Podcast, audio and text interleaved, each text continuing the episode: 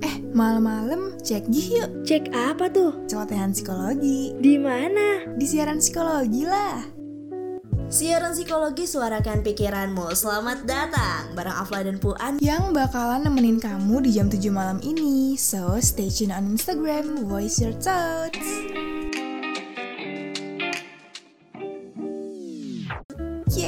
Selamat malam semuanya. Selamat datang di Cek Gi episode perdana. Di sini gue nggak sendiri, alias gue barengan sama Afla. Halo Afla. Halo Puan dan semua pendengar siaran psikologi. Akhirnya siaran psikologi rilis juga. Wow, yang pastinya keren banget. Kali ini gue sama Puan mau bawain Cek Gi episode pertama. Sebelumnya, apa sih Cek Gi itu, Pu? Cek Gi itu akronim dari celotehan psikologi, Fla. Salah satu program atau konten rutin dari siaran psikologi yang bakalan di-share setiap jam 7 malam. Harinya tungguin aja. Nah, di Cekgi ini kita akan mengulas fenomena-fenomena psikologi dalam kehidupan sehari-hari, terutama dalam hal komunikasi, psikologi sosial, dan juga psikologi individu. Betul banget, 2 juta rupiah. Eh, eh, eh, bukan kuis guys. oh iya, BTW nih, episode-episode selanjutnya kita nggak cuma berdua aja yang bakal ngoceh-ngoceh mulu, tapi akan ada orang ketiga. Waduh, siapa tuh? Alias narasumber kita yang kece abis dengan pembahasan yang pastinya seru banget. So, ditunggu aja ya panggilan dari kita. Betul, nah di episode pertama kali ini topik pembahasan kita adalah bias negatif cemilan otak. Nah psikologi banget ya bahasanya, santai-santai aja dong. Emang bias itu apa sih Flah? Karena judul kita itu bias negatif cemilan otak, jadi di sini kita lebih fokus ke cara berpikir. Nah kalau kita bias dalam berpikir itu namanya bias kognitif. Bahasa sederhananya sih asik sederhana, udah kayak sifat gua. nah kalau dalam bahasa sederhananya itu adalah kesalahan sistematis dalam berpikir yang nantinya mempengaruhi cara kita untuk mengambil keputusan. Gitu pu. Oh jadi bahasa gampangnya cacat berpikir gitu kali ya? Nah kali ini nih kita berdua akan mengulas sedikit tentang bias negatif. Buat yang belum tahu, menurut jurnalnya Rosin P dan Roisman yang berjudul Negativity Bias di situ dijelasin bias negatif adalah kecenderungan kita untuk lebih fokus sama informasi negatif ketimbang uh, informasi positif. Hmm, Misalnya gini deh, lo pasti pernah kan lupa nih sama teman SD lo? Tapi pas teman lo yang lain berusaha ngingetin dengan hal negatifnya lo langsung inget gitu iya iya iya. Kayak misalnya nih dulu gue punya teman SD yang suka ngompol. Pasti yang kita inget ha nih orang pasti suka ngompol nih.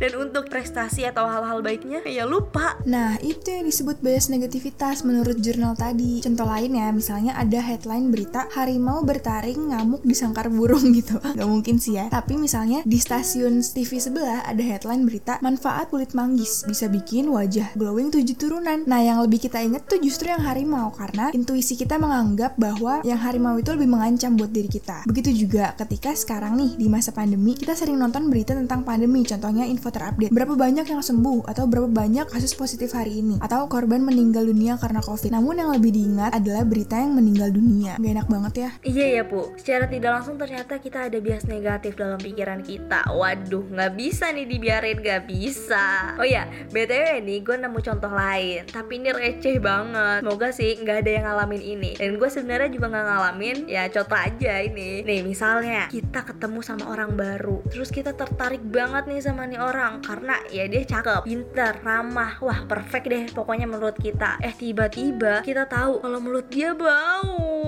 ilfil gak sih? Pasti nih prestasi-prestasi yang dia punya langsung kita lupain. Parah sih bener-bener efek bias negatif tuh. Iya bener banget Fah. Kira-kira kenapa ya kok bisa terjadi bias negativitas di pikiran kita? Kalau gue baca dari jurnal tadi menurut Freud dalam bukunya Hall and Lindsay pikiran bias negatif itu terjadi karena adanya ketidakpastian di masa yang akan datang. Karena nggak pasti muncullah rasa cemas. Kemudian dari rasa cemas itu timbullah mekanisme pertahanan diri sebagai akibat dari bias negatif. Selanjutnya kalau misalnya kita lihat dari perspektif evolusi kenapa sih otak kita lebih peka sama hal-hal yang negatif? Itu karena kita punya sensitivitas terhadap perubahan di lingkungan sekitar kita yang biasanya mengancam keselamatan kita. Sehingga muncullah respon-respon yang cepat terhadap hal-hal negatif. Ya ampun gitu ya. Dan juga menurut gue ya Flah bias negativitas ini salah satu alasan kenapa ada peribahasa karena nilas titik rusak susu sebelah nggak. Setuju gak sih soalnya kan karena keperluan kita satu aja bisa ngancurin atau menodai seluruh kebaikan sama nih sama bias negativitas otak kita sensitif banget dan terfokus sama hal negatif sampai-sampai kita lupa sama hal positif yang bisa aja lebih banyak dan lebih signifikan daripada hal buruk yang tadi. Ini juga bisa jadi alasan nih kenapa cewek-cewek suka insecure ya gak sih? Iya, setuju banget nih. Bukan hanya setuju tapi selapan sembilan. Oke oke. Karena pemikiran kita terlalu terfokus pada hal-hal yang negatif itu juga bisa berdampak buruk loh buat kehidupan kita selain insecure ya. Kalau misalnya kita ujian, ada 10 nomor, kita salah satu. Yang kita ingat apa? Yang salahnya pasti. Nah, kalau misalnya kita terlalu mikirin yang salah tadi, muncullah rasa cemas, rasa nggak pandai, stres dan sebagainya. Tapi namanya kehidupan, kalau ada dampak negatif pasti ada dampak positif juga. Karena ketika kita bisa mengelola negatif bias, itu justru bisa menjadi bahan evaluasi kita untuk perbaikan diri kita ke depannya. Wah, menarik banget nih. Dan ternyata ada loh faktanya kenapa kalau kita ngalamin bias negatif, kita justru malah susah lupa dan jadi cemas. Menurut penelitian, 95% informasi kita saat ini itu adalah informasi yang sama di hari kemarin. That's right, benar banget nih. Makanya kita penting banget untuk mengelola bias negatif biar gak kena dampak buruk buat kehidupan kita. Kalau menurut Pak Karvin, empati psikolog, ada tips yang bisa kita lakukan, yaitu yang pertama bersyukur. Dengan bersyukur kita akan lebih mengingat bahwa wah masih ada nih hal-hal positif di kehidupan kita. Nah, untuk melatih bersyukur, kita bisa mencatat tiga hal baik yang membuat kita bahagia, apa pun itu. Dan yang kedua, kita bisa melatih mindfulness yang berguna untuk menarik emosi-emosi yang negatif dengan penuh kesadaran. Sehingga bias-bias itu bisa kita kelola. Hmm, ngerti-ngerti. Menarik nih. Dan gak cuma itu loh, di jurnal tadi juga ada tips-tips lain yang setidaknya bisa mengurangi bias negatif kita. Yang pertama, jangan buru-buru menyimpulkan. Sebisa mungkin sadari segala kelemahan yang bisa aja bikin interpretasi kita salah. Sadari juga kalau kita nih juga bisa loh bikin kesalahan. Nah, dengan begitu, kita akan belajar berpikir kritis dan tidak menghakimi, tapi memahami. Wah, mantep banget ya, berdaging banget kayaknya obrolan kali ini. Mantul, bisa banget ya nih tips-tipsnya untuk kita terapkan supaya kita nggak mengingat hal-hal yang negatif aja, tapi juga harus mengingat hal-hal yang positif.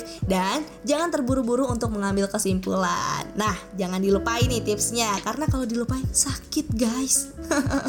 karena kita udah bahas banyak banget, semoga bermanfaat ya untuk kita semua. Semoga bermanfaat ya semua. Gue Puan. Dan gue Afla, see you next episode. Kita ketemu lagi di episode cek di selanjutnya ya. Siaran psikologi, suarakan pikiranmu.